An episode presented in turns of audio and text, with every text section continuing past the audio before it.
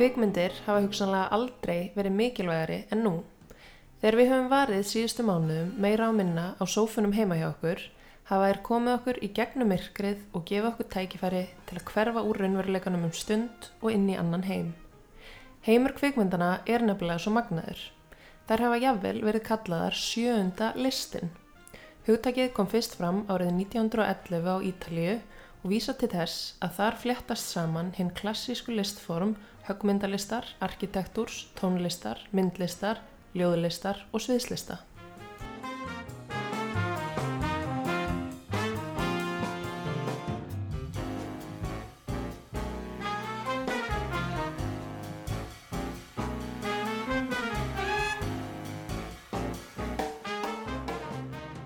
Velkomin í Pop og Kók, hlaðavarparif alþjóðulegrar kvikmyndaháttíðar í Reykjavík. Háttíðin er nú haldin í 17. sinn og hefur fyrir margt lungu festri í sessi á hennu alþjóðlega kvikmyndakorti.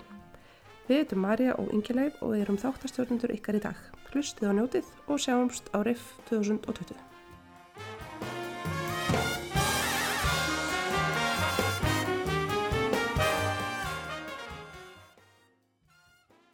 Ég er hérna komið með Flosa Þorgersson, sagfræðing og gítalegara hljómsveitarinnar HAM og má ekki líka segja á sért áhuga leikari. Jú, ég er það, hvernig vissur þú það? Hvað? Maður getur grafið ímislegt upp á netinu. Já, við lifum einmitt í heimi það sem er svo, þetta gera nú allir eða ekki. Já, maður er búin að tala við ykkur fyrir maður á Facebook og hérna, já, þessi hefur verið að gera þetta og þetta. Já. Má þetta ekki al- alveg? Ég skammast mér stundum að vera að njósta svona fólk. Nei, nei, þetta er bara partur af þessu, eða ekki? Er það ekki? Jú, ég held að Ég held vera. að, já, já. En þú ert líka með þitt eigin hlaðvarp, draugarfortíðarinnar, þannig að þú ert kunnugur þessum hlaðvarp. já, já, við varum mitt að taka upp þátt á þann og það er mjög gaman. Mér finnst hlaðvar ósæðlega skemmtilegt form. Það er hérna, þægilegra, persónulegra og svona með gott hlaðvarp þá finnst manni, maður tengist einhvern veginn þeim sem eru með hlaðvarpinu miklu meira heldur en eh, fólki í útvarpi oft. Um. Það sem fólk eru oft að segja hvað það hefur verið að upplifa og, Mm. og fer kannski djúft onni að segja frá sín per persónulega lífi sko. þannig að Mm. já, Það er er alveg frábært. Algjörlega, sammála því. Það verður svona með persónulegra, maður fyrir að Já. þekkja svolítið hérna, þáttastjórnandan Jú, eða þann sem er með hlaðvarpið. En við vorum búin að senda það nokkra spurningar svona til þess að byrja þetta, smá svona spurt og svarað. Og við kannski byrjum bara á því uh, og þá ætla ég bara að spyrja fyrstu spurningarinnar. Hver er þín fyrsta bíóminning? Já, ég um, mín fyrsta bíóminning er alveg öruglega uh, ég man eiginlega ekkert eftir myndinni ég veit hvað mynd þetta var en ég man eftir aldrei tilfinningunni í tengslu við það að vera að fara í bíó með pappa ég var 6 ára gammal og hann dóð þegar ég var 8 ára þannig að það er kannski, þess vegna er þetta kannski aldrei svona verðmætt minning líka. Það var svo spennandi, ég, ég man að ég var að spyrja hann og hann sagði við erum að fara að sjá mynd um mann sem heitir Lupo. Lupo, já, hvað hva, hva gerir hann? Og hann var eitthvað að segja mér frá honum sko, og var alltaf, meðan myndin stóð eitthvað að segja mér hvað var að gerast. En þetta var jólamynd Kópavóks Bíós árið 1974 Um eitt. já, það 6 ára. Við fættum 68 sko. Já, og hérna, þetta er Ísraelsk mynd og hann er leikstýrt af Menahem Gohan sem átti nú eftir að verða sko hérna, nei Golan, Menahem Golan.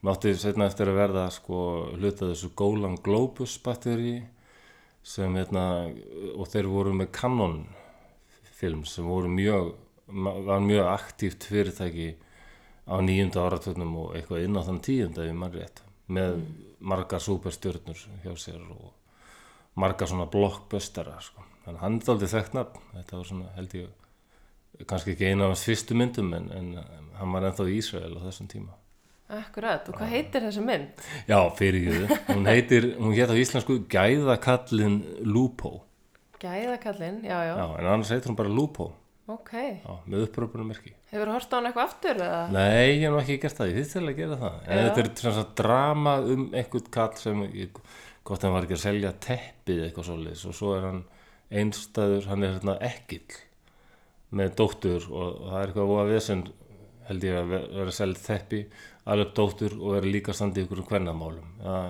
það gekk eitthvað út á það. Hún er alveg fáralega politist ókorrekt í dag og bara alveg aðaleg en ég ætti Já. þessi tekka hann aftur. Ég held að það sé upplagt Já. Já, sérstaklega á þessum tímum. Maður er svo Já. sem ekkert kannski að gera svona hérna hefðbundu hluti þannig að maður hefur nægan tíma til þess að sitja heima og horfa á bíó. Já, ég er bara búin að vera að flytja þannig að ég er að koma fyrir, fyrir núna en ég, ætla að ráðast í þetta. Góð punkt, góð punktur. Í nýju húsi, þá horfður á myndina. Já, álega en hver er þín uppáhaldskvökmynd?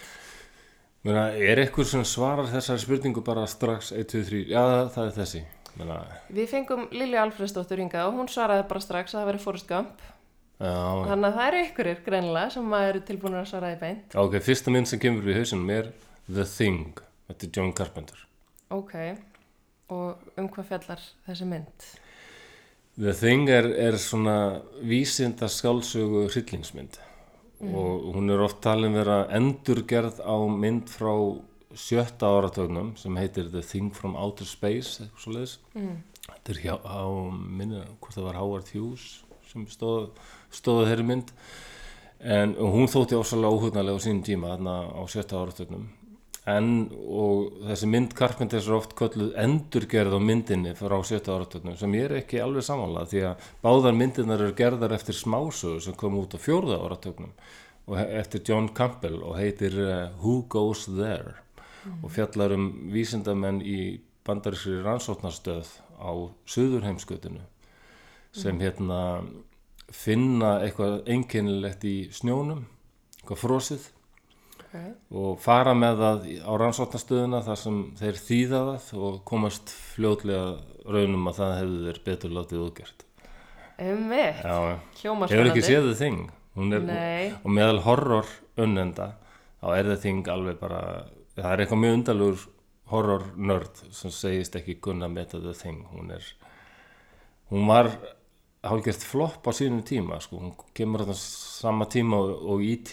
mm, og þá var eins og fólk vildi bara sjá myndir um góðar gemverur en það æðislega við Thing er þú sérði aldrei gemveruna hún, hún tekur sér bólfestu í líkömmum fólks Mhm. og þú getur verið þetta er bara svo COVID eitthvað þú getur verið smitaður af gemverunni hún getur já. verið í þér og eiginlega búin að taka völdin Mm. en hinn er sjá það ekki þannig að það er spilað svo ofsalega inn á þessa einangrun sem er á söður heimsköldslandinu Mm. og vantraustið, þú getur ekki treyst félögum þínum Nei, og hún er bara alveg stórgóðsleg og brellutna líka hérna, hann Rob Bottin sem gerði brellutnar sko, það var heila langt undan sinni samtíð og hann læði, hann bara var nótt og nýtan dag við þetta sko, hann þurfti að, hann þurfti að fara að spítala mér þess að, og með, að því að ok. bara leiði yfir hann, þá var hann ekki borðað eða drukkið neitt og um mig, þetta Já. er augljóslega mynd sem ég þarf að sjá, ég hef nú alveg heyrt um þau þing, sko, ég hef bara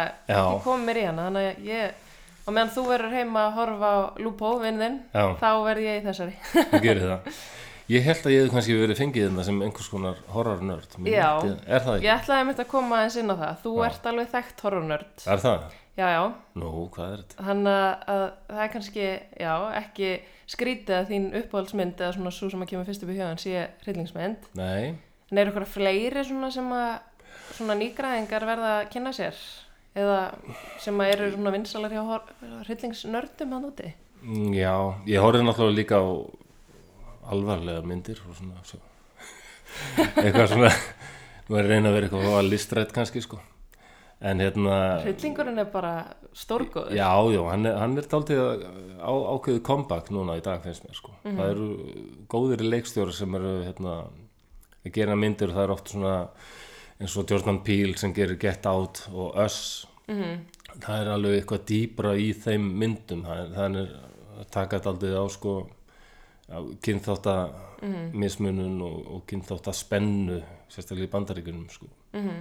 það er svo augljóst og svona social spennu líka hérna ólíku stjætta í öss finnst mér að mörgur leiti Já. Öss er svo sem að koma út setna, var það ekki? Jú. Já. Og finnst þér hún hérna ná uh, jafn langt og gett átt eða finnst þér það svipar eða er hún, Mér finnst það- bara sér gett átt, finnst hún svona freka mögnuð. já, hún er það. Já. mér fannst það mjög góð líka. Ok, kannski, eh, maður þurfti aðeins að melta hana betur sko, en þetta, mér finnst það ofsalega góð. Og leikararnir bara svo magnaði, jú, var, þetta var alveg hryllingsmynd, það var alveg svona óhugnaður og þessi óvissa sem það er eiginlega ofta verið hryllingi sko. Ummitt, þetta eru, já, ég held að þetta sé fínt svona fyrir einhverja sem að kannski hafa áhuga hryllingi að núti, Já. geta kynnt sér. En nú erum við mitt með eina hryllingsmynd sem að, hérna, er örgulega, ég veit ekki, kannski viðeigandi á þessum tímum sem við erum að lifa núna, sem heitir Get the Hell Out, hefur hægt um hana? nei, Hún er tævönsk og hérna Ok. er svolítið sko, já, fjallar um það að það er einhver svona sjúkdómur, maður geti haldið að væri bara svipa á COVID nema það breytir held í fólki í zombia.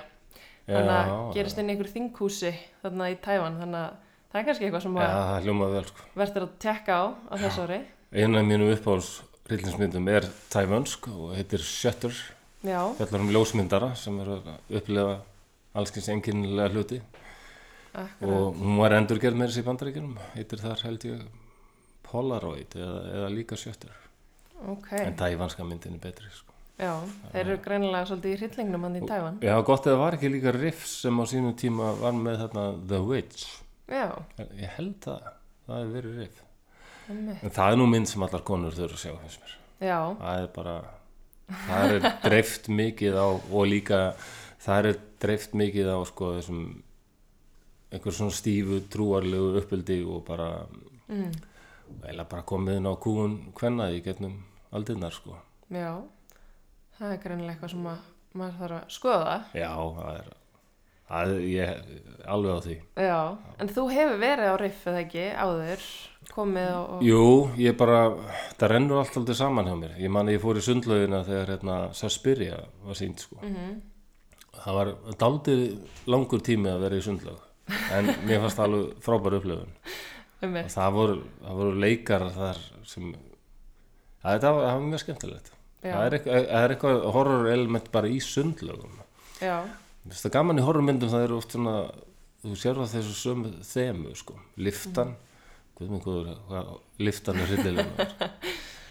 Langir gangar, allir þekkja það á myndum þegar ljósum byrja að slökna lengst í burtu. Og, einmitt, ja, langir gangar og sundlögur eru alltaf eitthvað creepy líka. já. Alltaf þetta flögt, ljós og skuggar sko flögtandi.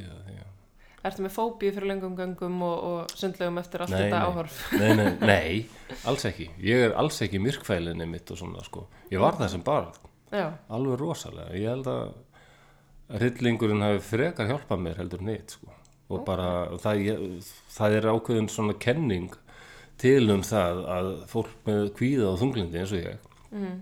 leitið taldi að horfa á hryllismyndir mm. að því að sko, þunglindin var aðalega bara einn rosalur dóði mm. grámi, það er ekki depurð það er allt annað fyrirbæri mm. þegar maður er þunglindi þá finnur maður ekki neitt það er svo óþólandi, þú veist að fara hljómsveitaræfingu mm. og ég, ég á að hlakka til að fara hljómsveitaræfingu en ég geri það ekki þetta er, þetta svo þreytandi líðan sko. mm. hlakka ekkert að fara að hitta vini mína sem eru besta fólki heimi. Við bara hlakka ekki til þess. Svona er þunglindi Já. og hryllingurinn einhvern veginn nær að fara svo djúft inn í heilan á manni og íta við einhverju frumstæði þar. Mm. að það er daldið eins og maður hefði fengið smá rálast eftir að horta á góða hryllingsmynd klukkan fjögur og nótt. Allt í hennu tekið eftir einhverju þruski og bara allt, það er bara eins og all skilningavitin sem við setja staðan í já, þannig að, hmm, þetta er þægilegt. Já, Ég finn- svolítið á tilfinningunum ég aftur. finn eitthvað á ný já, Já, ég held að þetta sé tenging og ég hef lesið greinar með hennar sem, fara inn á þetta. Ok. Þannig að það má segja að hryllingurinn sé ákveðin þerapía. Já, og svo er, er alveg sann að hryllingsmyndir það er besta sem pör sem er að byrja að vera saman sko, Mm.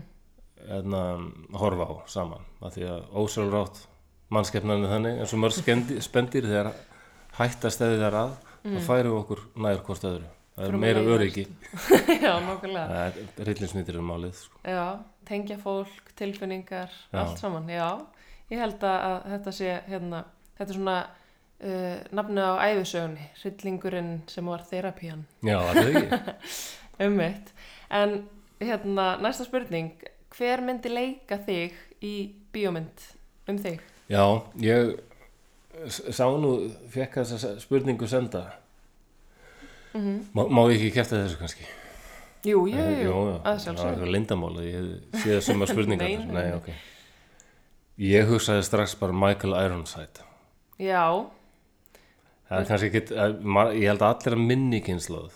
Mm. Svona þessi krakkar 80-sins, 80s krakkarnir, þau þekkja Michael Ironside, mm. algjörlega. Og það er líka alltaf vonda kalla. Ég veit ekki hvort það, í hvað hlutverki yngri kynnslóðin þetta þekkja hann, sko. Ég meina Total Recall á móti Schwarzenegger það er hann vondi kallinn sem er eldast við hann hann er alltaf með svona illilegt lúk maður mað sér hann, hann er bara alltaf vondi kallinn en, en mér var, ég tengdi alltaf við hann finnst hann bara frábær já, finnst þér þú vera með svona illilegt lúk? Nei, og svo vorum bara, vorum bara þokkalega líkir Já, ok. já, já, já, að þú ert með góðan hérna, já, já, það er annarkvort annarkvort hann eða eða kannski þeir Dillon bræður Matt eða Kevin Dillon mér var stundum sagt að ég veri pingu líkur þeim já, það er úr mörg að velja hana. Er Já, það verður náttúrulega eftir því sko hvernig mynd þetta er því. Já, hvernig særu fyrir þetta yrði, þessi mynd, ef það yrði gerð mynd? Já, heimildamynd um líf mitt. Já, Já, það er því eitthvað skona svona sálfræði eh, hryllingsþrillir sem væri líka alveg óbúslega fyndin. ok, Þannig að við erum eiginlega að blanda saman held ég hérna um, The Babadook mhm, sem er bara lýsir alltaf æsku minni ansið vel. Það er horrormynd. mhm, Já, það er svona að blanda Babadook með Mentó sem er svona sálfræði trillir, hann er alltaf kannstu þú þá mynd, hún, hann er hérna alltaf með vaknar hann mana hann ekki neitt. Já. hann er alltaf að að muna hvað hann á að vera að gera. Já, mér er oft liðið þannig í lífunu bara hvað, hvað er ég að gera hérna, hvað ætlaði ég að gera? Hvað, hvert er ég að fara, hjálp og það er Babadook sem fjallar um alveg ósalega svona sorg og áföll og missi. Mm. alveg stórkostlega mynd. Mm. eina af þessum nýju hryllingsmyndum sem er virkilega góð bara frá kvikmyndafræðilegu sjónamiði síðan og svo, já, það er það Babadook Memento og Spinal Tap sem er mynd eftir Rob Reiner frá 82 og fjallar um breska rockljónsitt sem er í úðalögu basli og allir tónlistamenn eh, allavega í Íslandi og ef ekki bara út um allan heim þekkja þessa mynd algjörlega. Já, að, og hún er opaslega fyndin. Og því ham, tengiði við þessa mynd já, já, já, já, allir tónlistamenn bara, einhver, einhvern veginn sko. menn Ossi Osborn sagði sko, þegar hann horfði á þessu mynd hann hlófa hann ekki neitt. Og hérna, því hann, hann sagði bara ég held bara að þetta veri heimildamynd þetta það var bara það var bara, já, já, þetta var bara nákvæmlega það sem ég hef upplýðað já, Þetta er mjög svona fáranlegt þeir eru að villast af leiðinni og sviðið og, og það er svona einhverjir effektar á sviðinu sem virk ekki og hérna, einhver sprengja sem á að vera hjá trombarunum er svo kraftmikil, hún drepur hann það er svo kraftmikil. Já, það, þannig að það er allt bara í tóm tjóni já, hún er frábær sko. það eru hérna Michael McKean og Christopher Guest sem eru daldið þekktir leikarar og hérna kaupundagerðamenn sem og Harry Shearer ekki gleyma honum. Það voru þeir þrýr sem vilja gera þetta. Harry Shearer best þekktur kannski fyrir að tala fyrir hérna, Mr. Burns og Smithers í Simpsons og, Já, og marga aðra karaktera akkurat. Já, að þessi er svona, já, kemur með þetta komíska tvist inn í þessa þessa, þennan þrýþætta já, já, já, þessar myndir sem að samena svona þitt líf greinilega. Já mér finnst bara harmur og grátur eru alveg þetta er tvíbura systur sko. Mm. eða tvíbura sískinni harmur og grátur, hann gráturinn. Hann harmur, já þetta eru Já. tvíbura bræður. Týpur og bræðnir Akkurat, en mikilvægt að það sé smá eitthvað komík í þessu líka. Já, mér finnst það bestið að er svona eitthvað daldið blandað þessu. Sko. Það er þessi tragi komedi, sko, alveg. Ummitt Já. Já, já, en svona talandi um þessa mynd um líf þitt Já, Nú ertu búin að fara kannski svolítið yfir það hvað, hvernig hún yrði nokkurn veginn Myndur þú segja það að hún yrði hryllings, komedíu, sorgar Hvar myndur þú setja hana í flokk með semst, flokk kvikmynda? já, hún menar. Uh, já, hún myndi byrja sem frekar svona, fljótt vera með svona hryllingstónum, sko.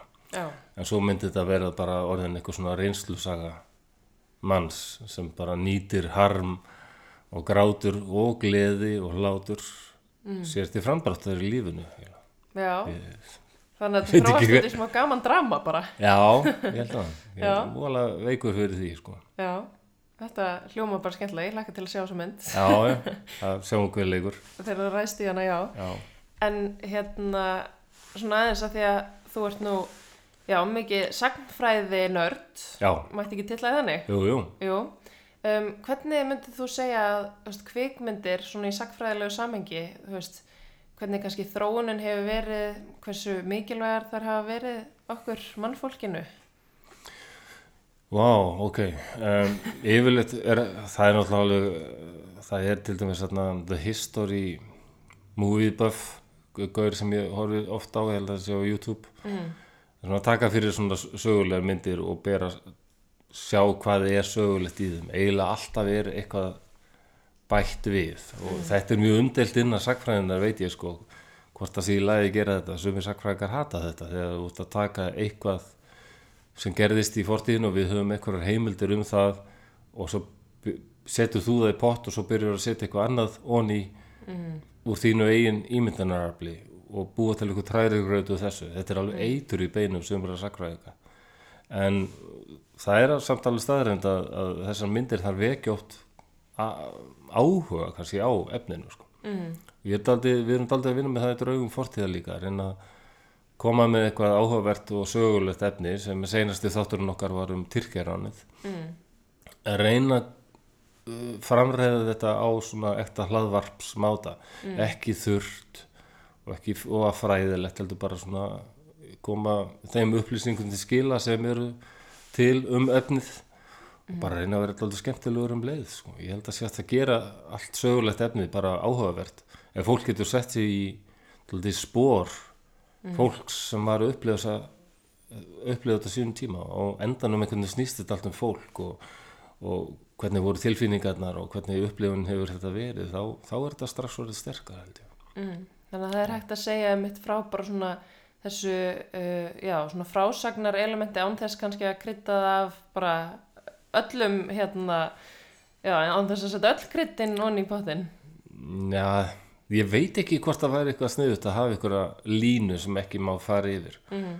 Þetta er langar að byggja okkur sögulegu en ferð alveg langt yfir þá línu, það verður bara að hafa það en það er kannski líka á ábyrð þeirra sem eru að horfa á, á eitthvað, einhverja myndum vikinga að, að taka þessum fyrirværi að þetta sé nú bara bíómynd. Og þetta, svona hafa kannski ekki, ég vona að það sé ekki margir sem horfi á Vikings, þættir það til dæmis og hugsa bara, já svona var þetta, að þeir eru, þeir taka sér ansi mikið svona frjálsræði sko. það eru karakterar þar saman sem voru ekkert upp á sama tíma og ímislegt en, en fyrst ég byrja að horfa á Vikings þá var það meira sem sakfræðingur ég bara, þetta er nú meira anskotast slögt á þessu en svo ákvað ég að reyna þetta aftur af því að ég hef líka búin að vinna svo mikið sem leiðsögumæður mm. og mikil áhuga vikingum og það voru margir sem voru að spurja sko, og ég vissi heil mikið um vikinga alltaf haft mikið áhuga á þeim Mm.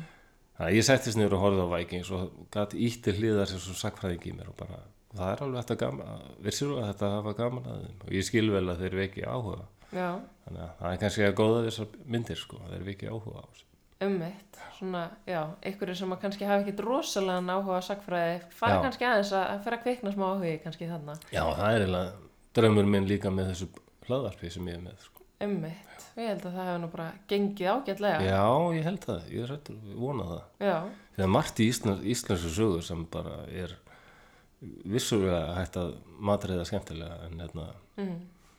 en svo skaftáreldar og lagagígar þegar maður setur þetta fram hvað, hvað þetta og alveg eins og bíómyndir og sagaði á endanum finnst mér þetta allt snúast alltaf um fólk Mm. bara hvernig leið fólki þegar það var að gangum í þessari bláu gráu móðu hérna, móðuhrandunum og Mm. allir voru að deyja og allir, allir búfénaður hrundið niður bara á tímum þar sem margir kunni ekkert að lesa eða skrifa og vissu lítið um veröldina eða bara gang himmintunglana bara allir heldur þetta verði líklega endalók veraldar maður setur þetta alltaf maður nota dramað líka alltaf það er það sem ég elskaði bíómyndir líka er bara hvernig er þetta að nota svo marg, mörg svona element sko, segja ykkur að sögu eða koma ykkur um skoðunum til skila eða hvort tvekja mm.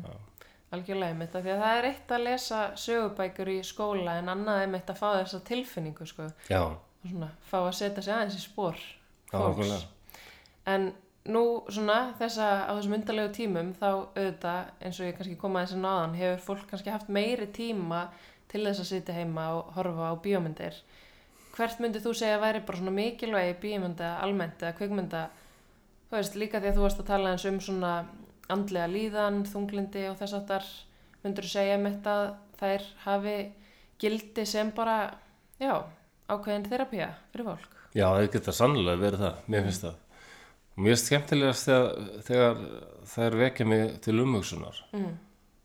Eru kannski aldrei skrítnar, smá súrrealismi og bara, maður finnur það hjálpar oft þetta sé vel gert Mm. og maður er svona að hugsa hvað, hvað er leikstur að pæla með þessu, hvað er að gerast af hverju? Ég, ég kann vel að metta það, ég veit að sumum finnst það óþægilegt og vilja bara fá sína það rífist um þetta þess að meðal okkar horrornördana, ég meina ég er einn af þeim sem lítur niður á þá sem vilja bara einhverja segja um einhverju myndi að hún var ekkit hún var ekkit skeri Mm. ég, ég þóla það ekki, það finnst mér alveg rillinsmyndir er ekkit endilega virkið, það er að draga fram eitthvað miklu dýpara en það heldur en vera alltaf að bregða þér. Eh, fjóruðu hverja mínútu, þriði fjóruðu það er bara þreytandi og leiðilegt sko. Já, algjörlega. En þetta, já, ég meina ég not, sjálfur nota ég myndir oft sko, ég kem mér yfir því stellingar ég bara get alveg sest niður og er að fara að horfa okkur aksjónmynd og ég ætla bara að njóta þess og Mm. það er oft líka þægilegt að horfa mynda sem maður er ekkert mikið að pæla eða hugsa sko, bara að njóta Mm. Maður getur svona aðeins kúpla sig út úr veruleikanum og allir í þeitivindinu sem er í gangi í kringum hann já, og farið hann í, inn í annan heim í smá stund. Guðjón, ég, hérna, ég hef eiginlega ekkert búin að horfa á sjónvarp eða, eða myndir nema bara í tölvunum minni núna lengi, ég er ekki búin að koma upp þannig að ég hlakka til að gera það Já, í flutningunum þá kemst það vonandi upp á Já. einhverjum tímabundi. Þá getur þú farið alvöru heimabíó. Já, ég skoða það að fá mér reysurpassa og heit, nei, ekki reysurpassa passa, riffpassa Riffpassa. já, Já, það er nú ekki verra. Mæli svo sannlega með því. getur maður, já, maður getur alveg hort á þetta í svona nýtísku snjall sjónvarpi Já, já, þá setur þú bara upp þitt bíó heima og, og það er hægt að horfa með ýmsum hætti. Þannig að- að það er bara, mæli svo sannlega með því. Ég er alltaf skammast aldrei að hafa ekki verið duglegri að- fara á riffmyndir. Ég fer yfirleitt minnst ákvæmst á eina mynd, sko, hverju hátíð. En það er margt áhugavert og ég, maður á kannski bara oftar að taka sjensin líka. Mm. Menna, ég gleym ekki því- 1997 í Danmörku þegar ég bara las dómum um hverju mynd og, og, og gaggrindin vildi ekkert segja Mm.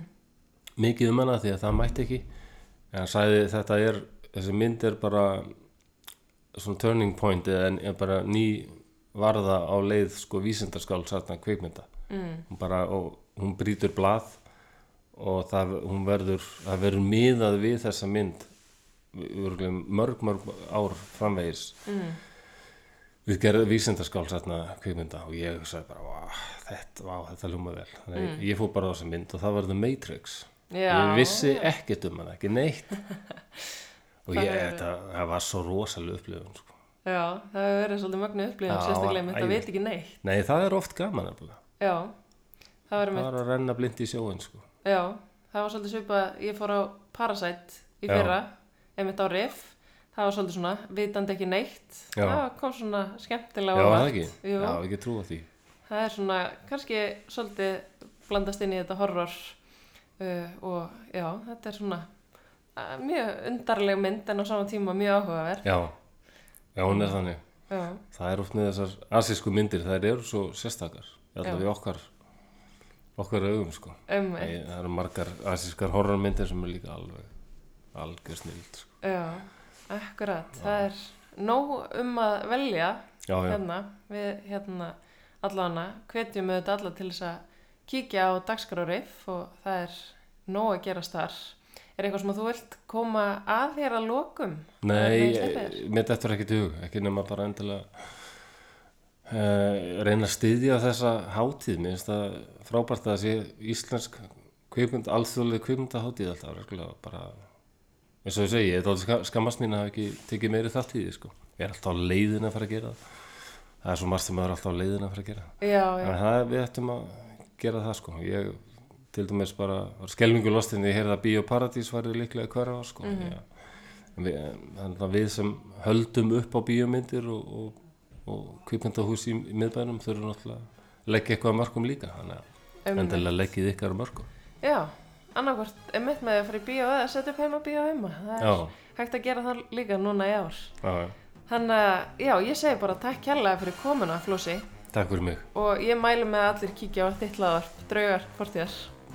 takk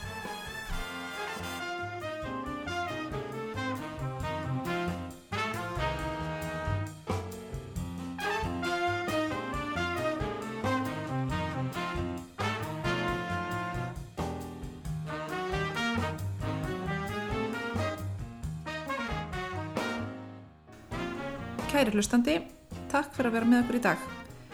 Riffháttíðin í ár verður dýnamisk blanda af bíói heim í stofu og hefðbundnum síningum og viðburðum allt eftir gildandi reglum í samfélaginu.